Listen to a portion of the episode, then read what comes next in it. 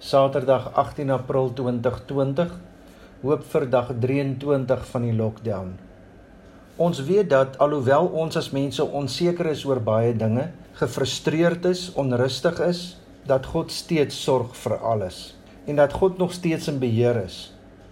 In hierdie tyd besef ons net weer dat uitkoms nie in ons as mense se hande is nie. Die mens wik mag God beskik. Ons kan absoluut niks aan hierdie huidige situasie verander nie. Die mens met al sy wysheid is nie in beheer nie. Die mens is nie in beheer nie want die mens is nie God nie. So ook in jou eie lewe. Jy het nog altyd gedink het dat jy jou eie lot bestuur. Jou stuurwiel is nie in beheer van die wiele nie. Stop en gee beheer oor.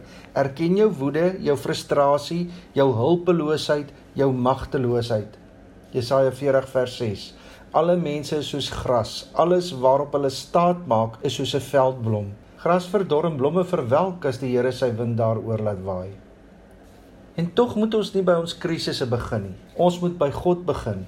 Hy was, is en sal vir ewig God wees. Hy was, is en sal vir ewig in beheer wees. Vir die mense is ons lewe hier op aarde sekerlik die belangrikste. Ons voortbestaan, ons toekoms, ons oorlewing, maar dit is nie waar ons moet begin nie. Die boublokke van die wêreld is besig om in duie te stort. Ons fokus moet dus ook verander. Matteus 6 vers 19 Moenie vir julle skatte op aarde bymekaar maak waar mot en roes dit verniel en waar diewe inbreek en dit steel nie. Maak vir julle skatte in die hemel bymekaar waar mot en roes dit nie verniel nie en waar diewe nie inbreek en dit steel nie. Waar jou skat is, daar sal jou hart ook wees moet nie jou alles op die aardse fokus nie. Bou jou lewe op die regte basis. Matteus 7 van vers 24 af. Elkeen dan wat hierdie woorde van my hoor en daarvolgens handel, kan vergelyk word met 'n verstandige man wat sy huis op die rots gebou het. Die stortreën het geval, vloedwaters het afgekom, winde teen daardie huis gewaai en daarin geruk en tog het dit nie ingestort nie, want die fondament was op rots. En elkeen wat hierdie woorde van my hoor en nie daarvolgens handel nie, kan vergelyk word met 'n dwaas wat sy huis op sand gebou het. Die stortreën het geval, vloedwaters het afgekom, winde het teen daardie huis gewaai en daarin geruk en die huis het ingestort en is heeltemal verwoes. Ons almal gaan deur baie moeilike tye. Ons weet nie wat vir ons voorlê nie. Ons weet nie wat die ekonomie in hierdie tyd gaan oplewer nie. Ons gaan in die tyd wat voorlê die wonderlike maar ook die slegte van die mensdom raak sien. Daar gaan mense wees wat gaan uitreik en help en dan gaan mense wees wat gaan verorber en gaan gryp.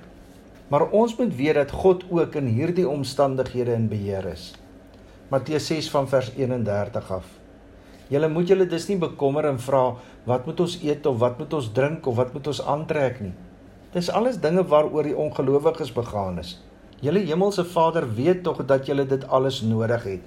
Nee, beywer julle allereers vir die koninkryk van God en vir die wil van God, dan sal hy julle ook al hierdie dinge gee. Ons kan nie kies hoe ander mense in hierdie tyd gaan optree nie, maar ons weet hoe ons moet optree. Romeine 5. God het ons dan nou vrygespreek deurdat ons glo. En daarom is daar nou vrede tussen ons en God deur ons Here Jesus Christus. Deur hom het ons in die geloof ook vrye toegang verkry tot hierdie genade waarin ons nou vas staan. En ons verheug ons ook in die hoop om deel te hê aan die heerlikheid van God. Dit is egter nie al nie. Ons verheug ons ook in die swaar kry, want ons weet swaar kry kweek volharding, volharding kweek egtheid van geloof en egtheid van geloof kweek hoop en die hoop beskaam nie want God het sy liefde in ons harte uitgestort deur die Heilige Gees wat hy aan ons gegee het. Toe ons nog magteloos was, het Christus immers reeds op die bestemde tyd vir goddeloses gesterwe. 'n Mens gee tog nie sommer jou lewe prys nie, selfs nie vir 'n regverdige nie. Ja, tog vir 'n goeie mens sal iemand miskien nog die moed hê om te sterwe. Maar God bewys sy liefde vir ons juis hierin dat Christus vir ons gesterf het toe ons nog sondaars was.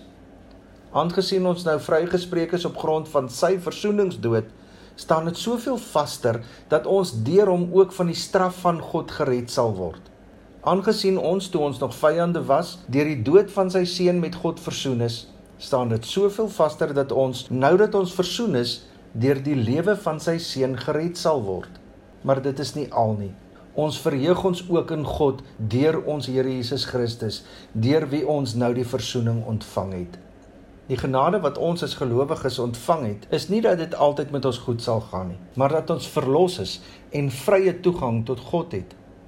En wanneer ons dan swaar kry tye ingaan, vat dit nie ons geestelike voete onder ons uit nie. Ons verheug ons ook in die swaar kry, want ons weet swaar kry kweek volharding en volharding kweek egtheid van geloof en egtheid van geloof kweek hoop. Ons het reeds verlossing ontvang en daarom soek ons nie wêreldse koninkryke hier op aarde nie. Nee, ons soek nou juis die koninkryk van God elke dag in ons lewens. God sal sorg dat al die ander dinge verloop soos wat hy alreeds beplan het. Vertrou hom. Vertrou hom selfs al sien jy nou geen uitkoms nie want ons verheug ons ook in die swaar kry want ons weet swaar kry kweek volharding en volharding kweek egtheid van geloof en egtheid van geloof kweek hoop en ons hoop is in God gefestig. Here help ons hiermee want om onsself selfs te verheug in die swaar kry is baie moeilik al weet ons dat ons daardeur volharding aanleer. En ons weet dat volharding egtheid van geloof kweek en ons het egte geloof in hierdie dae so nodig. En ons weet dat egtheid van geloof kweek hoop. En ons weet U is ons hoop. U is ons fondasie, U is ons rots waarop ons bou. Maar ons is ook maar net mense met voete van klei. Help ons dan Here om U koninkryk te soek. Help ons dan Here om ons skatte by U bymekaar te maak. Help ons dan Here om U versorging te vertrou. Help ons dan Here om in U beheer en koningskap te glo. Here skenk ons U genade. Lig waar ons net donker sien, moed waar ons vrees. Hoop waar ons wanhoop. Vrede waar ons gemoedere storm. Vreugde waar ons hartseer is. Krag waar ons swak is. Wysheid waar ons verward is, sagtheid waar ons bitter is, liefde waar ons haat. Meer as wat ons ooit